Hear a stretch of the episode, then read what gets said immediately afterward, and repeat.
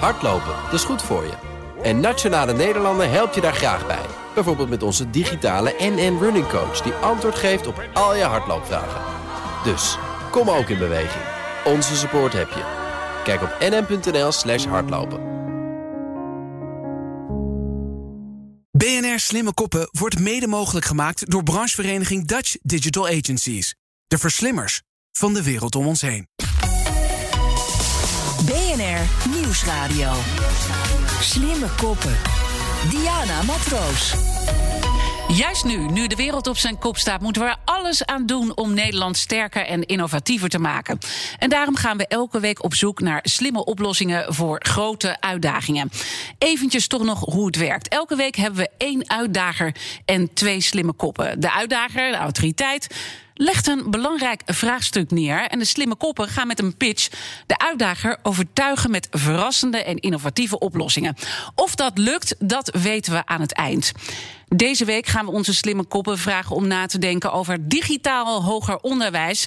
Juist nu studenten na een jaar fulltime thuis digitaal onderwijs volgen, weer mondjesmaat naar hun onderwijsinstelling mogen. En dat was hard nodig. Je wekker gaat, je ogen gaan open en je denkt: nee, niet weer een dag thuisonderwijs. Je sleept jezelf naar het bureau, niks lukt, je hebt zin in niks en alleen maar negatieve gedachten. Gedachtes, Onze uitdager van deze uitzending is Freya Chiapino. Ze is vicevoorzitter van de Landelijke Studentenvakbond. Uh, vanaf 26 april mochten de studenten weer gemiddeld één dagje per week uh, naar school. Dat gaat dan om de hogescholen en de universiteiten. Wat voor, voor, gevoel hadden de studenten op die eerste dag dat het weer mocht? Ja, ik denk dat het grootste deel van de studenten was heel blij. Ze keken er ook heel erg naar uit. Het was ook natuurlijk eerst onduidelijk of dit nou uiteindelijk mocht. Dus iedereen was ook een beetje in spanning. Alleen wat nog wel zo is, is dat niet alle universiteiten en hogescholen die één dag aanhouden. Dus sommige universiteiten of hogescholen hebben gezegd, we doen het gewoon niet. En dat is natuurlijk verschrikkelijk als je in die situatie zit. Want uh, de nood is echt hoog om studenten weer naar school te laten gaan. Naar de universiteit, naar de hogeschool, toch? Ja, het is heel hoog. We krijgen ook uh, elke week krijgen we enorm veel telefoontjes van zelfs ouders soms. We hebben pas sprak ik ook een deeltijdstudent, dus een oudere man, die nu weer een tweede studie doet op latere leeftijd. En hij belde me ook op. En dat was heel fijn om ook weer dat andere geluid te horen. Niet alleen maar studenten van jongere leeftijd, maar ook oudere leeftijd. En hij belde me op. Hij zei: Ik kan het gewoon niet meer. Jullie moeten hier iets aan doen. Het is gewoon echt heel zwaar, dit online onderwijs. Want wat zijn de problemen waar ze tegenaan zijn gelopen, de studenten, en dus nu nog steeds? Uh, nou, je, je hebt natuurlijk, ik kan niet een hele grote uitspraak doen, want het verschilt ook heel erg per student. Maar wat we wel veel zien is uh, motivatieverlies, uh, concentratieproblemen, eenzaamheid ook. En dat zijn eigenlijk denk ik de grootste problemen. En wat ook eigenlijk een heel groot probleem is, is dat niet alle studenten goed internet thuis hebben. Dus als alles digitaal is en je moet een tentamen maken of uh, een college volgen en je internet valt eruit, ja, dan kan je niet zoveel meer. Dat geeft enorm veel uh, stress. En ik kan me ook voorstellen dat er ook een soort sfeer van wantrouwen ontstaat. Je moet elkaar uh, checken via een appje die je gaat volgen. Als je internetverbindingen niet doet, moet jij maar gaan aantonen dat dat je internetverbinding was.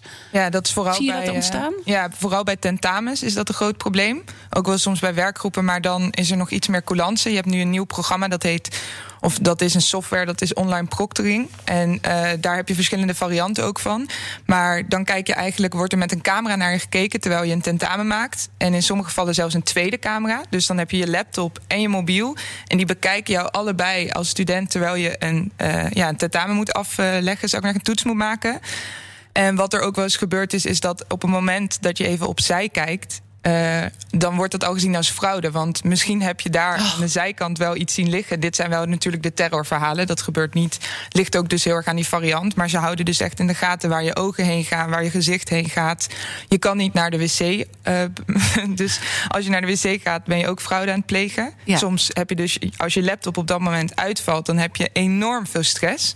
Dat uh, is ook een verhaal wat we een keer hebben gehoord van een meisje die haar hele studentenhuis aan het aflopen, afrennen was. Een kwartier voor haar tentamen Verschrikkelijk. Ja, het ja. is echt. Uh... En, en, en, uh, maar te, te zwijgen over dat je elkaar niet meer ziet en elkaar niet meer om hulp kan vragen. Hè, dat soort dingen zijn allemaal uh, weggevallen in die ja. tijd. Als we dan toch eventjes nog terugblikken, maart 2020, Rutte kwam met die nou ja, bekende persconferentie. Het ging in één keer heel snel. Hè? Het was echt gewoon de omslag van fulltime onderwijs naar nul. Ja, ja, ik heb dat zelf ook nog meegemaakt. Dat was voor mijn bestuursjaar. Dus ik, zat, uh, ik volgde toen op dat moment nog onderwijs.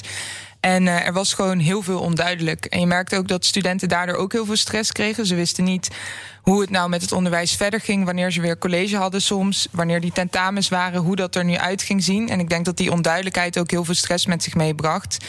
En uh, het was gewoon ook in één keer heel zwaar. Maar in het begin had je natuurlijk nog een soort hoop van nu is het even heel erg. Er komt binnenkort hopelijk snel weer duidelijkheid. En dan volgend studiejaar, schooljaar, dan kunnen we weer. Maar veel onduidelijkheid, uh, wat je in ieder geval hebt gezien. En natuurlijk ook voor de docenten was er net zo goed die onduidelijkheid. Want ik denk dat uh, die infrastructuur gewoon helemaal niet goed daar lag. En dat iedereen er ook door werd overvallen. Bijvoorbeeld privacy voor docenten. Ja. Is natuurlijk ook wel een ding als je in één keer voor die camera moet. Zeker, en je hebt dan geen keus meer. We, hadden, we zagen ook eerder, ik heb ook in een studentenraad gezeten. Daar ging het ook wel vaak over colleges opnemen. En dan zag je dat sommige docenten die voelden zich daar gewoon echt niet goed bij. En die zaten heel erg met hun privacy, dat dan iedereen zomaar die colleges in kon zien. Mm -hmm. Um, en het is natuurlijk ook zo met die docenten. Het, het, verschilt denk ik ook heel erg per docent. Misschien ook wat je discipline is. Dus welk vakgebied uh, je bekleedt als docent. Uh, hoe goed je om kan gaan met deze technische veranderingen. En ik denk dat dat ook die werkdruk van docenten is ook enorm verhoogd hierdoor. Je schetst heel goed uh, de problemen die spelen. En daarmee kom ik ook bij de uitdaging van deze uitzending. Hoe kunnen we nou met innovatie voor zorgen dat digitaal onderwijs aantrekkelijker wordt en daarmee ook waardevoller uh, voor studenten? Waar ga je op letten bij de pitches zometeen? Nou, ik denk dat uh, als LSB hebben wij ook een landelijke studentenvakbond hebben wij een visie. Dat is eigenlijk de kernwaarde van onze organisatie. En dat een groot deel daarvan is toegankelijkheid. Dus ik zou ook letten op de toegankelijkheid van de pitches. dat dit voor elke student toegankelijk zou zijn. Of misschien de toegankelijkheid van het onderwijs kan vergroten. En daarbij ga ik ook letten op het kwaliteit. of op de kwaliteit, want uiteindelijk gaat het om de kwaliteit van het onderwijs en ook op de inhoud van het onderwijs. En ik denk dat het belangrijkste, kijk, digitalisering, dat moet niet een doel op zich zijn. Dat moet een middel zijn om de toegankelijkheid te vergroten of de kwaliteit te verhogen. Okay. En uh, verder ook natuurlijk op de toepasbaarheid. Hoe gaat, uh, hoe gaat dit praktisch in zijn werk en hoe gaat, uh, wat zijn de vragen die een student misschien kan hebben? Laten we de pitches niet langer in spanning houden. En ook hier merkten we dat er ontzettend veel inzendingen waren. Het leeft enorm, dit onderwerp. Maar er zijn er twee die de eer hebben om hier hun verhaal te pitchen. En de eerste slimme kop die we hebben uitgenodigd is Rogier van Essen. Hij is oprichter van Leslab en oud-docent in het basisonderwijs en het MBO.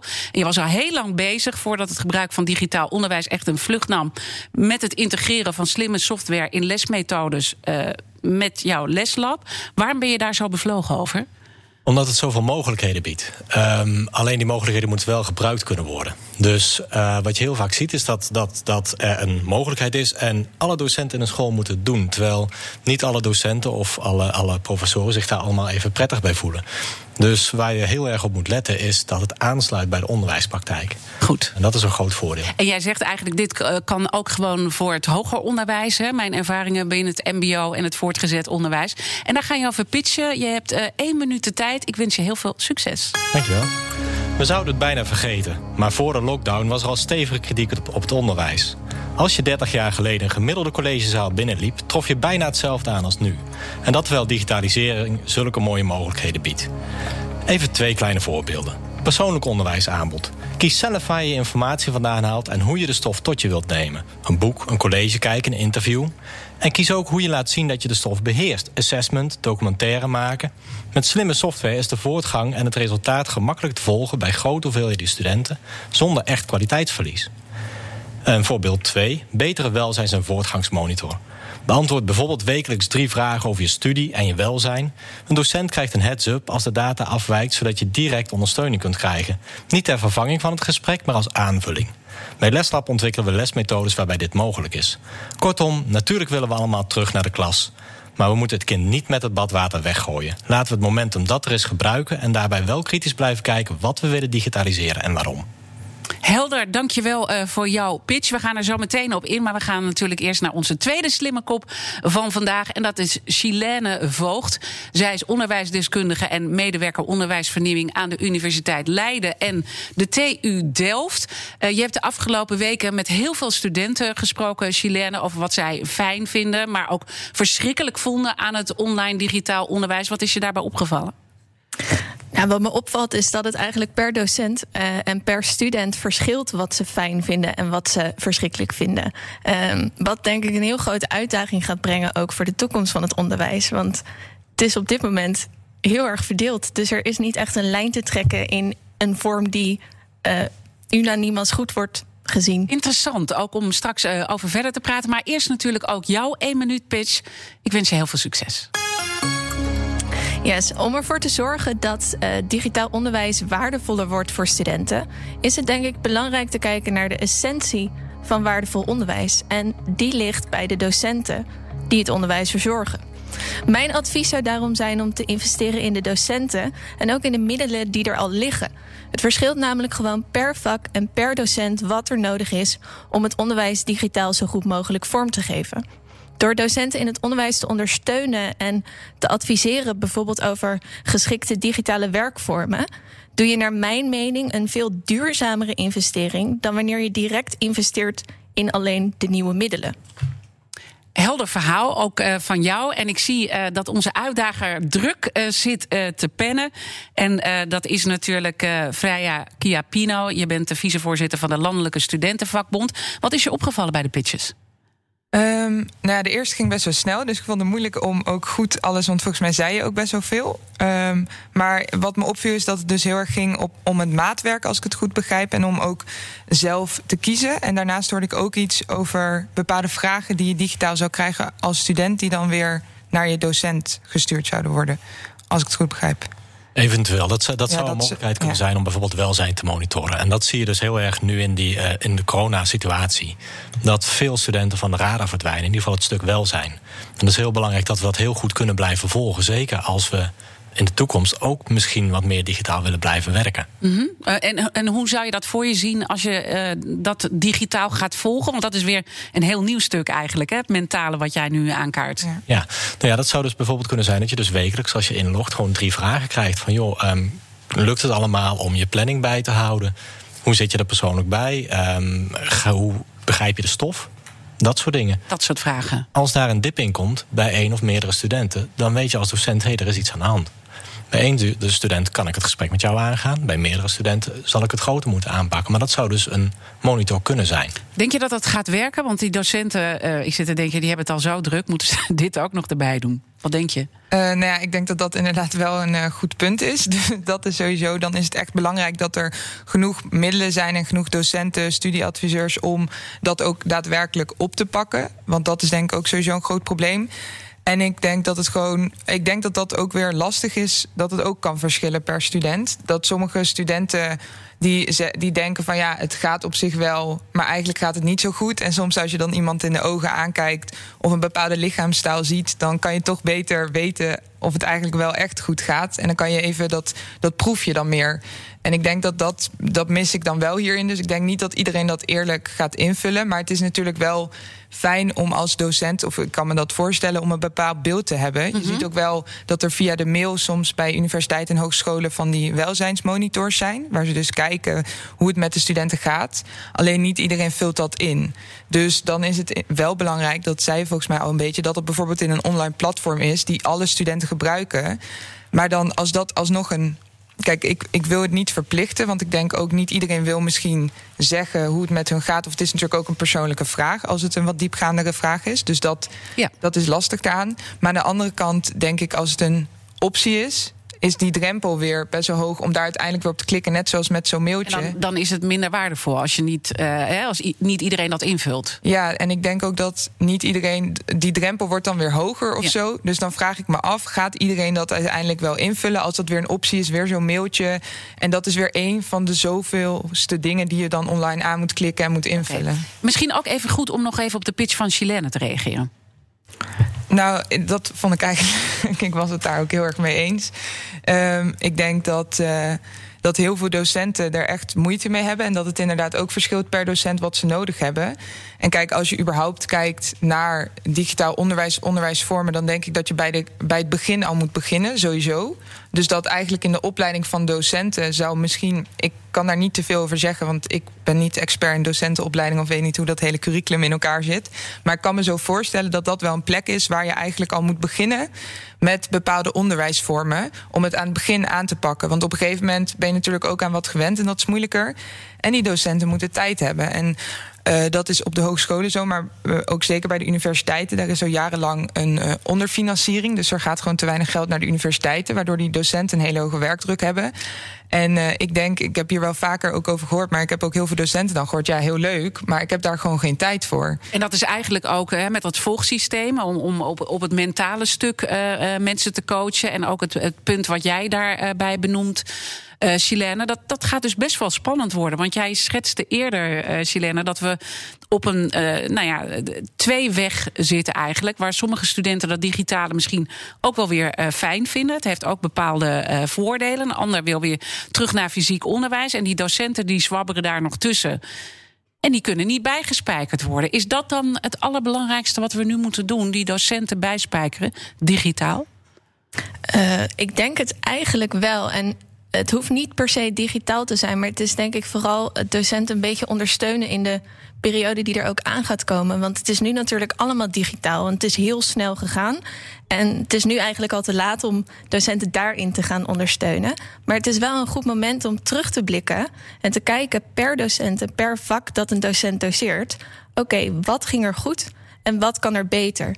En zeker dat stukje wat kan er beter, dat is heel belangrijk voor de toekomst van die hybride onderwijsvorm. Dus waar een toekomst waarin waarschijnlijk een deel nog digitaal gaat worden aangeboden en een deel teruggaat naar het fysieke onderwijs. En wat zijn er dan uh, de elementen waarvan jij denkt van die moet je dan inbouwen? Uh, want misschien gaat het wel om hele kleine dingetjes waar studenten al blij mee zijn qua verbetering.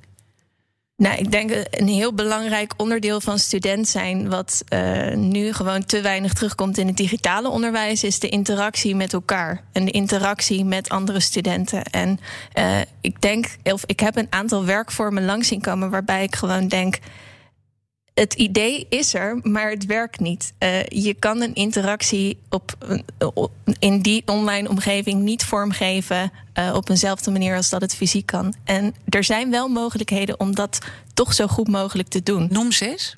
Um, je hebt bijvoorbeeld uh, een heel klein dingetje waarvan je merkt dat het student al heel erg helpt. Als je bijvoorbeeld kijkt naar een werkgroep, is wanneer er geen docent bij de werkgroep online aanwezig is. Dus wanneer ze eigenlijk met elkaar in online breakout rooms kunnen zitten, bij voorkeur ook nog met medestudenten die ze kennen, dat ze zelf een groepje kunnen kiezen. Om gewoon die vragen die ze normaal gesproken fysiek aan elkaar kunnen stellen: van hey, snap jij dit? Hey, snap jij dat?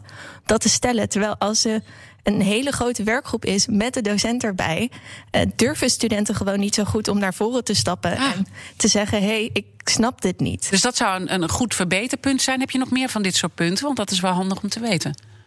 Nou, een ander verbeterpunt kan denk ik heel erg liggen in uh, de nou ja, eenheid die je creëert onder uh, docenten en de middelen die ze gebruiken. Want wat je nu ook ziet is dat studenten van het ene platform naar het andere platform worden gestuurd. En de ene docent filmt iets met dit, de ander filmt iets met dat. Um, wat op zich niet slecht is. Uh, want het gaat vooral ook om wat de docent fijn vindt om te gebruiken. Maar studenten die raken daar wel een beetje door in de war. Dus het zou fijn zijn als er eigenlijk gewoon één groot platform is. Met allemaal zijwegen die ze dus eigenlijk kunnen kiezen om dan bijvoorbeeld bij een bepaald vak te komen. Maar dat ze wel weten van oké, okay, dit is ja. de basis. Ja. En vanuit hier volg ik mijn onderwijs. En het interactiepunt? Het interactiepunt. Uh... Ja, dus dat je uh, nu, nu. Want volgens mij, kijk ook even naar jou, uh, Freya, voor die, namens de, de Landelijke Studentenvakbond. je zit eigenlijk gewoon naar een scherm te kijken en verder gebeurt er niet zoveel. Terwijl die interactie zou je natuurlijk wel ook digitaal moeten kunnen inbouwen. Ja, ik, heb, ik wil eigenlijk ook even reageren op wat dingen die er net gezegd ja, zijn. ook over die interactie. Want ik denk die interactie is heel belangrijk. En uh, dat gaat gewoon heel moeilijk. Zelfs hebben we verhalen gehoord van alleen studenten in zo'n werk werkgroepje, dat ligt ook weer echt aan die studenten. Er zijn altijd mensen die dan wel wat actiever zijn en studenten die wat minder zijn. Maar goed, dat zou je misschien altijd hebben. Maar wat wel, kijk, onderwijs gaat ook over zelfontwikkeling. En een, een, klaslokaal, daar zitten verschillende perspectieven in. En dat is ook onderwijskwaliteit. En op het moment dat je studenten bijvoorbeeld ook. Ik denk dat het heel belangrijk is, ook online. Want ik weet ook dat studenten meer vrijheid voelen als ze anderen kennen, vooral online. Want je staat toch ineens op zo'n scherm en je kan het niet allemaal Zeker aanvoelen. als eerstejaars, hè? Zeker als eerstejaars, maar die kennen elkaar misschien nog niet. Dus dat is, dat is natuurlijk ook eh, voor hun een eh, probleem. Maar als je dan zelf die groepjes gaat kiezen. En eh, dat blijft de hele tijd zo. Dan ga je ook heel erg in je eigen bubbel zitten. En onderwijs is ook die zelfontwikkeling en die andere perspectieven. En met elkaar in discussie gaan. Juist met de mensen die er misschien anders over denken. Dus dat is wel iets wat daarbij belangrijk is. En ik denk, net vroeg je al aan Gilene: van is dit dan het belangrijkste wat er moet gebeuren? Ik zou zeggen dat is deel van het belangrijkste wat er moet gebeuren. En het belangrijkste wat er moet gebeuren is gewoon dat er inderdaad gekeken moet worden naar het onderwijs, maar niet per se alleen naar die begeleiding van docenten, maar ook wat er uiteindelijk gaat overblijven en wat niet. Want we hebben nu gemerkt dat nu alles digitaal is, dat het toegankelijk is, ook voor studenten met bijvoorbeeld een bepaalde functiebeperking, zoals chronische vermoeidheid. We hebben ook al langer gezegd, zorg dat een deel van het onderwijs digitaal te volgen is, zodat ook die studenten onderwijs En kunnen dat is volgen. natuurlijk wel een win. En dat kan nu ineens, tijd. ja. Terwijl een heel groot deel van de studenten die denkt... ik wil helemaal niet alles digitaal.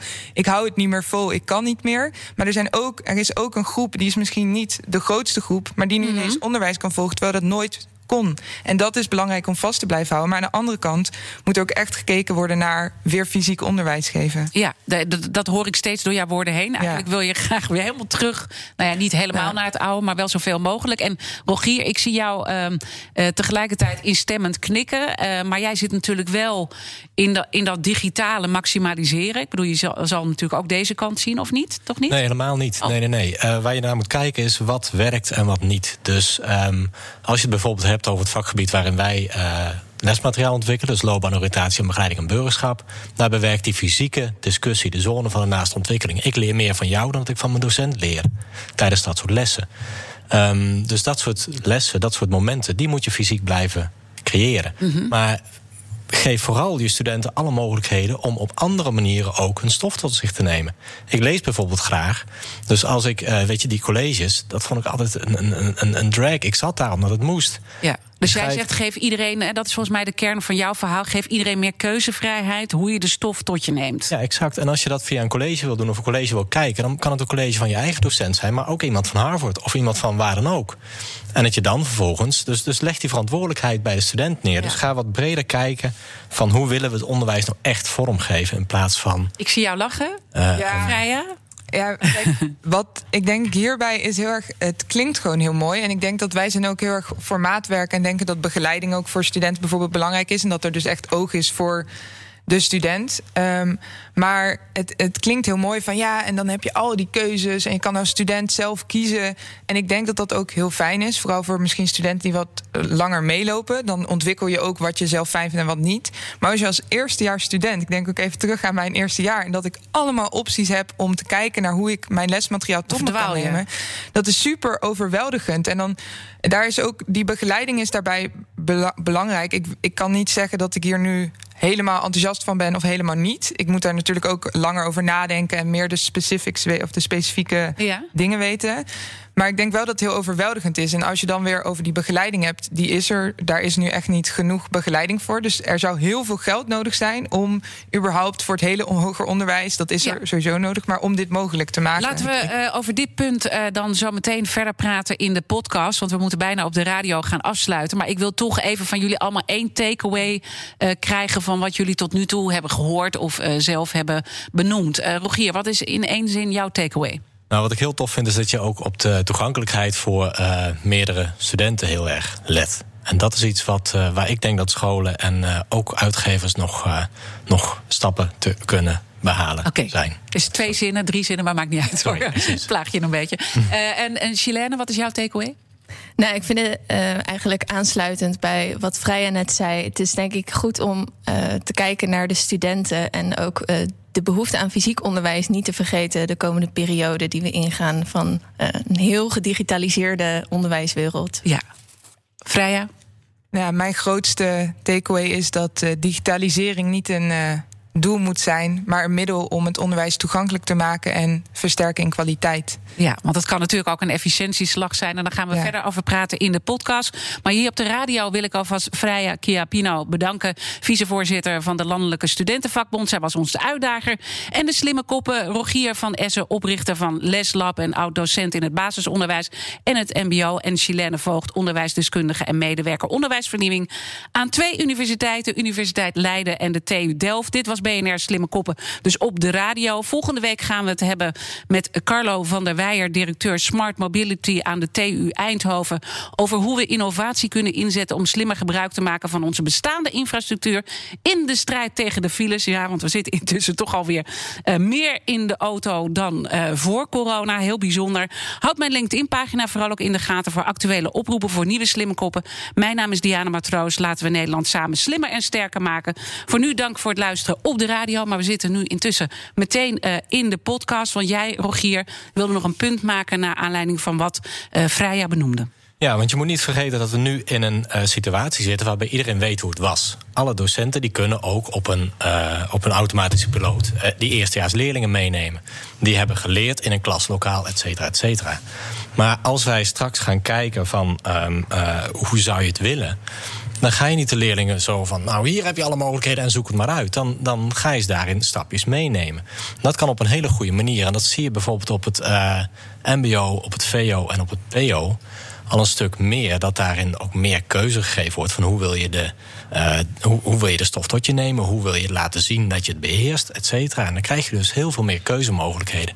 En je ziet ook dat als je leerlingen daarin meeneemt, dat ze die keuzemogelijkheden ook prima zelf Dus je zegt niet van, joh, eh, we gooien het op het bordje in het eerste jaar. Nee, van, eh, ga Nee, maar lekker absoluut kiezen. Niet. Nee, bijzonder slecht idee. Ja, dus je begeleidt ze, maar je, je zegt wel, het is heel erg belangrijk dat iedereen op zijn manier kan leren. En daar moet je dat digitale stuk juist voor benutten, die slag die we nu hebben gemaakt. Ja, en, en die leerlingen die die begeleiding nodig hebben, neem die vooral mee. En laat die vooral het klassikaal onderwijs volgen. En de leerlingen die zeggen van nee, ik lees liever een boek en haal het er liever zelf uit en doe het liever zelf thuis.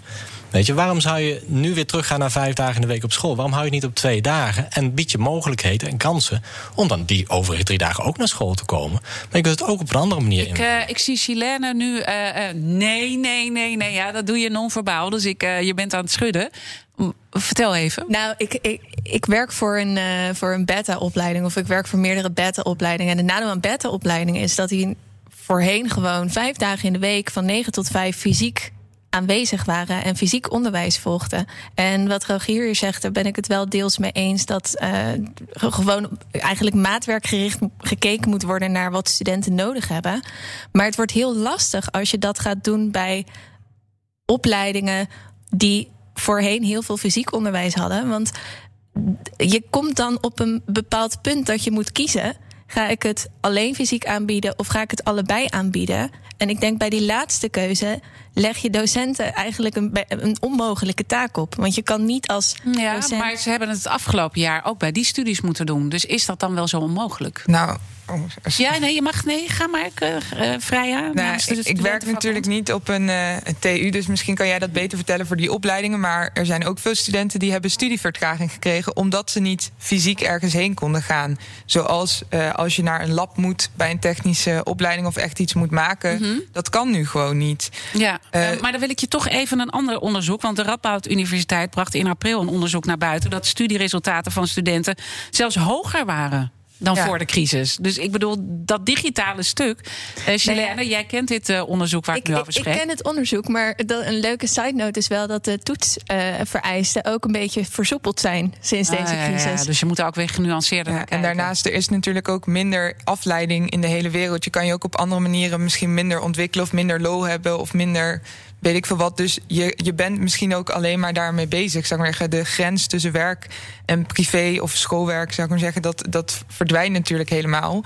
En studenten die worden daar helemaal in opgezogen. En dat is dus ook juist niet goed voor dat mentale welzijn. Juist omdat je helemaal een soort alleen maar daarmee bezig bent, die druk voelt. We moeten dit halen. En nou ja. Ja. Maar het kan toch ook een stuk efficiënter gemaakt worden voor docenten juist. Um, als je bijvoorbeeld kijkt naar hoe zou je het dan kunnen invliegen. Wat, wat, zie jij dan bijvoorbeeld als mogelijkheden om die werkdruk van de docenten eraf te halen? Want dat kan ook heel goed met digitalisering. meer tijd, meer geld. Meer, maar, ja. maar als ik nog. eh, ik- efficiëntie, dat raakt een soort van heel diep in mij als onderwijsexpert. Dat is gewoon een woord dat je niet bij onderwijs te veel zou moeten gebruiken. En Want ik ben denk, je daar bang voor dat door deze hele digitale periode ook scholen denken: nou mooi, we kunnen een aantal collegezalen schrappen, we kunnen. Nou ja, je ziet gewoon, kijk, er zijn gewoon investeringen nodig in het onderwijs. En kijk, hoe jij er nu over praat, ik weet dat je dat of ik weet dat niet. Ik heb het gevoel dat je dat niet zo bedoelt, maar dan klinkt het heel erg als dat digitalisering als doel. Terwijl je zou het dus echt als middel moeten bekijken. Maar als je er zo over praat, ook over die efficiëntie, dan is het een doel. Terwijl je gewoon moet kijken, wat Chilene ook al zei, naar die opleidingen. En dan per opleiding moet kijken vanuit de inhoud en vanuit de toegankelijkheid hoe je dat zou digitaliseren. Maar als je dit gesprek dan zo algemeen hebt en nu daarover hebt en je begint over efficiëntie, dan, dan gaat het dus een doel zijn. Want dan wil je zorgen dat Ben het jij daar ook bang voor, uh, Chilene? Nou, waar ik vooral bang voor ben, even om, eh, om de docenten er weer bij te halen, is eh, wanneer je gaat kijken naar die ondersteuning, dat het toch al snel indirect op het bordje van die docenten komt te liggen. En wat Freya net ook al zei, de docenten hebben geen tijd. En zeker op de universiteit doen docenten naast, naast eigenlijk dat ze doseren, doen ze zelf ook onderzoek en begeleiden ze afstudeerders en begeleiden ze PhD'ers. Eh, een agenda van een docent is gewoon vol. En er is heel veel wilskracht om het onderwijs zo goed mogelijk vorm te geven. Ook met de nieuwe middelen die er zijn. Maar er is- is gewoon ondersteuning nodig op dit moment voor die Misschien docenten. is dit ook een goed punt om even eh, bij Rogier toch voor te leggen. Want jij hebt die transitie, ehm, denk ik, met Leslab in het begin ook wel gezien. Dat je ook niet overal met open armen werd ontvangen. Dat de problemen die Chilene nu beschrijft, dat het ook in het eh, MBO en het voortgezet onderwijs wel een probleem was. Ja, dat klopt ook. Dat klopt ook. Maar het doel is dus niet die efficiëntie, maar om het werkdruk te verlagen. En maar hoe, maak je dan die opslag, omslag? Hè? Want jij hebt dus ook eh, gezien dat niet meteen iedereen stond te juichen. Ja. En hoe krijg je dan iedereen in die verandering mee? Om het heel dicht bij de praktijk te leggen. Wat wij bijvoorbeeld hebben gedaan, is dat we software hebben ontwikkeld waarbij de docent ehm, eh, zelf zijn les kan samenstellen met activiteiten. Dus die werkvormen die jij zegt, nou ja, dat is heel belangrijk, zeker in ons vakgebied. Om die discussie op, op, op gang te brengen tussen, eh, over politiek, over dat soort zaken. Hoe doe je dat nou op een goede manier? Maar wat bij jou past als docent, past niet bij mij als docent. En wat bij die klas werkt, werkt niet bij die klas. Dus één lesbrief is geen lesbrief, daar heb je niks aan. Wat je Ja. dan kunt doen, is dat je zegt van nou, wij bieden drie verschillende eh, uitgebalanceerde lessen aan en daar kies je uit. En dan hoef je dus als docent ook niet meer helemaal, dit past niet, dit moet ik omschrijven. Dit moet... Dan kun je dus gewoon kiezen van nou, één van die drie dingen. Dat dus je past zegt, mij. eh, er moet daarmee- maatwerk komen voor de student, maar ook voor de docent. Maar daar is wel- die twee. Daar is wel tijd voor nodig. En ik denk dat. Ja. Ik vind het heel mooi dat je, dat je het ook hebt over die werkdruk. En dat is gewoon een heel probleem, groot probleem. En dat zien we ook bij studenten. Dat die zien bij hun docenten dat dat gewoon niet goed gaat. Studenten zelf hebben ook een enorme druk. Ook door het leenstelsel natuurlijk. Hele financiële druk. Maar die werkdruk die wordt op. Kijk, als je nu het over hebt over dan zorgen dat die werkdruk minder is. Of misschien dan vanuit die kwaliteit en toegankelijkheid. Wat ik zei, dat onderwijs digitale ja, middelen in gaat voegen. Dat is ook weer extra werkdruk. En de werkdruk is al hoog. Dus dan is er alsnog weer meer tijd nodig om dit uiteindelijk toe te gaan Ja, maar het, passen. zou een tweesporenbeleid moeten zijn. Je kunt, je kunt niet zeggen, we gaan daar extra geld in pompen... en we gaan dit en we gaan dat... en er komt een extra docent naast staan... dan wordt de werkdruk minder. Onze samenleving verandert. Onze samenleving wordt veel digitaler... en wij hebben mogelijkheden. Kijk naar ons dagelijks leven. Hoeveel makkelijker is het geworden... dat ik op Google Maps hier naartoe kan lopen. Dat soort dingen zijn allemaal mogelijk. Maar dat soort dingen blijven een beetje weg uit onderwijs. Ook van, ja, dan komt er weer iets bij. Moeten we weer iets leren? Maar het blijft niet Chilene, helemaal weg. Chilene? denk ik. Maar ehm, dan is wel, denk ik, een heel belangrijke vraag om te stellen: eh, bieden jullie ook eh, die ondersteuning die er nodig is om nieuwe middelen eigenlijk meteen zo efficiënt mogelijk eh, vorm te geven?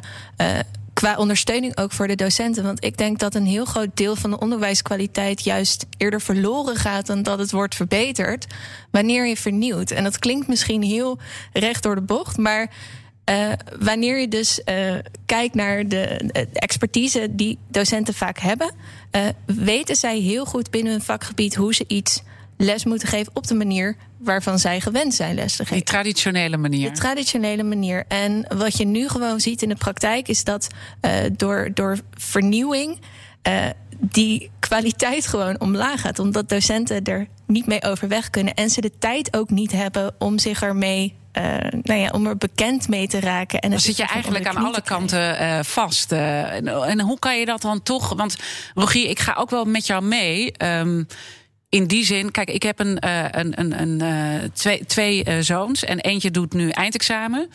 En de ander doet uh, eerste jaar van, de, van Delft. En ik heb wel al een paar jaar, zie ik bij, bij, die, uh, bij mijn zonen en ook bij de, de, de, de, vrienden waarmee ze omgaan. Die leven helemaal in een virtuele wereld. Of tenminste, niet helemaal, hè, maar ze leven heel erg virtueel en met games en, en zijn continu op hun mobieltje en alles. En dan zie ik het onderwijs en denk je, jeetje, dat is gewoon precies hetzelfde traditionele onderwijs als dat ik ooit. Ik zal, zal het getal niet noemen. maar wat ik heel lang geleden kreeg. En dat, dat loopt natuurlijk wel een keertje scheef. Ja, en, en als Even je... voor corona was dit eigenlijk al een probleem in mijn optiek. Ja, en als je aan docenten vraagt hoeveel van jullie heeft Instagram? Weet je, in een groep docenten. En dan heb je de 30 voor je snuffert. En dan zijn er twee die hun hand opsteken. En dat is op zich heel logisch. Want het heeft niet je. je, je, je, ja, goed, maar dat. Jij moet lachen, Chile. Ja, primair onderwijs. De universiteiten hebben nul docenten, denk ik, Instagram. Nou, nou er zijn docenten uit mijn ervaring die op de universiteit Instagram hebben. Um, maar sorry, maak even je zin af en daarna wil ik ook graag even ja, reageren ja, op iets. Maar... Het is een heel belangrijk punt om te kunnen aansluiten bij de belevingswereld van je studenten. En um, wij hebben daarin het, het, misschien makkelijk, want ons vak wordt toch aangeboden, daar moet je toch de tijd in steken. En juist door die drie dingen aan te bieden, zorg je ervoor dat het minder tijd kost. Maar ik denk dat je zeker bij die, um, bij die ontwikkelingen, de docenten, de studenten, uh, bij, lager, bij, bij, bij, bij lager onderwijs ook de ouders en zo, allemaal mee moet nemen in die ontwikkeling. En gaan ze kijken van wat willen jullie? Wij zijn bijvoorbeeld een uitgever. Maar wij hebben samenwerking gezocht met een uh, uh, groep die uh, software ontwikkelt met Web. Zij weten wat daarin mogelijk is. Nou, samen met scholen, met onszelf en met hen en de studenten ja. en de leerlingen hebben we gekeken hoe kunnen we dit nou beter Ik snap maken. je punt en ik snap ook weer het punt van jullie dat ja. het gewoon uh, aan tijd dan vervolgens ontbreekt ja. om dit te laten Ik heb slagen. ook eigenlijk een bepaalde reflectie even op dit gesprek. Uh, dat kwam even. graag, ik hou van reflectie. um, want ik hoor gewoon heel erg. Ik heb het idee dat we op sommige vlakken misschien ook langs elkaar heen praten, omdat het natuurlijk een breed onderwerp is. Dus we hebben allemaal onze eigen definities van digitalisering van digitaal onderwijs. Mhm. Mm -hmm. En ik heb een beetje het idee dat hoe uh, ik Rogier hoor praten, dat het ook heel erg gaat om bijvoorbeeld ook digitalisering in, in de collegezaal. Dus dat het niet ja. betekent dat uh, het onderwijs digitaal is, maar dat dus die digitalisering in de collegezaal innovatiever is. Ja, precies. En ik denk dat dat is natuurlijk heel interessant. En daar kan je denk ik ook hele leuke dingen mee doen. En dat merk je ook dat dat langzamerhand wel een beetje gaat. Maar dat heeft natuurlijk ook weer. Ja. Verandering gaat soms gewoon langzaam. Vooral als mensen heel lang op dezelfde plek zitten. En als er nieuwe docenten komen, nee, denk ik dat daar. gelijk. Ik, ik heb er ook een stapje aan toegevoegd. En dat is misschien uh, mijn gevoel al jaren. Dat ik denk van kan dat onderwijs nou niet überhaupt wat uh, uh, innovatiever? En kunnen we ja. niet geschiedenisles krijgen via een VR-bril? Dat je echt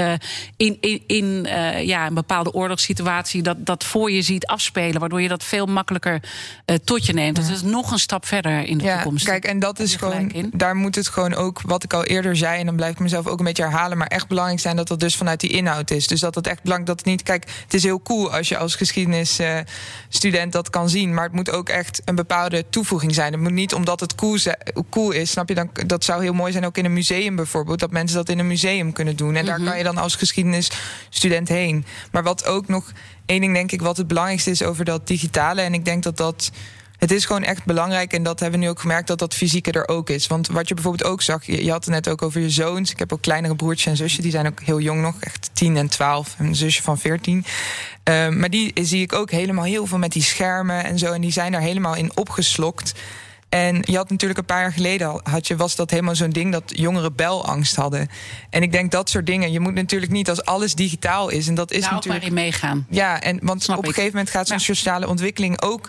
Dat verdwijnt. Want dat heb je ook door die verschillende perspectieven in zo'n klaslokaal. Ja. En uh, dat is gewoon heel belangrijk. En ik dus, denk dat we dat niet moeten onderschatten. Eigenlijk concluderend uh, uh, proef ik aan jullie allemaal dat we toch naar een hybride vorm moeten. Dus, dus dat fysieke behouden en heel goed kijken waar je dat uh, fysieke voor inzet en, en, en niet. Uh, maar dat het toch heel lastig wordt om die combi te gaan aanbieden, Chilem. Want dan wil ik toch nog even dat jij ons verder helpt hoe we hier nu voortvarend mee aan de slag kunnen. Nou, vooral niet vergeten kwaliteit voor op te zetten. En ik denk ook als ik naar ons drie kijk, dat dat terugkomt in al onze verhalen, dat die onderwijskwaliteit het belangrijkste is. En daar zitten gewoon heel veel.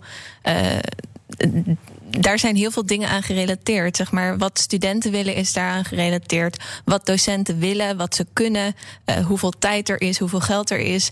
Uh, dus het is gewoon een heel complex vraagstuk, wat nu denk ik eigenlijk op het bord van veel onderwijsinstellingen ligt. Mm -hmm. Hoe gaan we die toekomst in? Um, en ik zou beginnen bij uh, inventariseren hoe de afgelopen periode is gegaan. Voordat je direct grote stappen gaat nemen in nieuwe systemen aanschaffen.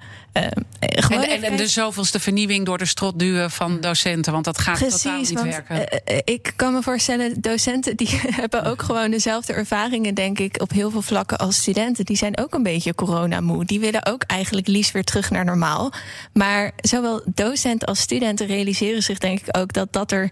het, het gaat nooit meer zo normaal zijn als wat wij zeg maar Nee, en, en de normaal. vraag is ook, ik vraag me ook af, uh, nu mist iedereen het onderwijs heel erg, maar als je weer elke dag in die collegebank opgesloten zit, ik, ik weet niet of dat dan, uh, je hebt ook een bepaalde vrijheid natuurlijk gehad, vrije. Um, nou, ik denk dat we, want ik hoorde je net ook dat de hybride zegt, ik denk dat we daar niet helemaal vanuit moeten gaan. En dat uh, er ook de mogelijkheid op de onderwijsinstelling, op de hogeschool en universiteiten geboden moet worden om dat onderwijs dan met bepaalde vormen te volgen als het alsnog digitaal zou zijn. Ik denk eigenlijk dat je meer dus in de collegezaal meer vernieuwing zou moeten hebben, maar niet per se dat het helemaal hybride gaat worden of dat het alleen maar hybride is. Misschien hybride voor mensen voor wie het nodig is.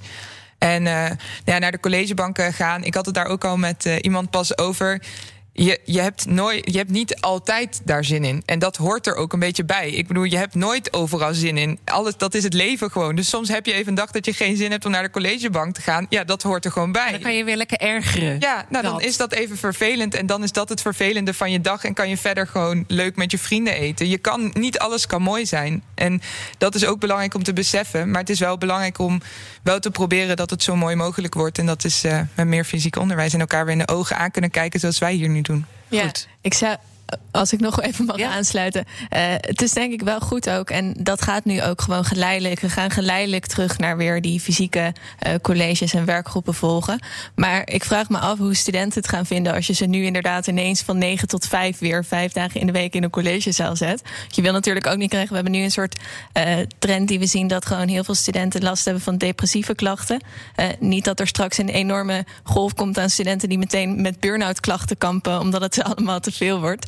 Ja. Uh, dus dat je dat heel geleidelijk ook een beetje ja. opbouwt. En nou heb ik een tip, uh, uh, nou, ook voor jullie allemaal en voor de mensen die luisteren. We hebben daar een hele mooie uitzending over gemaakt. Over overprikkeling en hoe je daar op een goede manier mee om moet gaan. Dus ik zou zeker daar ook naar luisteren in onze serie van Slimme Koppen. Want dan komen we ook op dat punt verder. Ik wil jullie heel erg danken voor jullie komst. BNR Slimme Koppen wordt mede mogelijk gemaakt door branchevereniging Dutch Digital De verslimmers van de wereld om ons heen. Hardlopen, dat is goed voor je. En Nationale Nederlanden helpt je daar graag bij. Bijvoorbeeld met onze digitale NN Running Coach... die antwoord geeft op al je hardloopvragen. Dus, kom ook in beweging. Onze support heb je. Kijk op nn.nl slash hardlopen.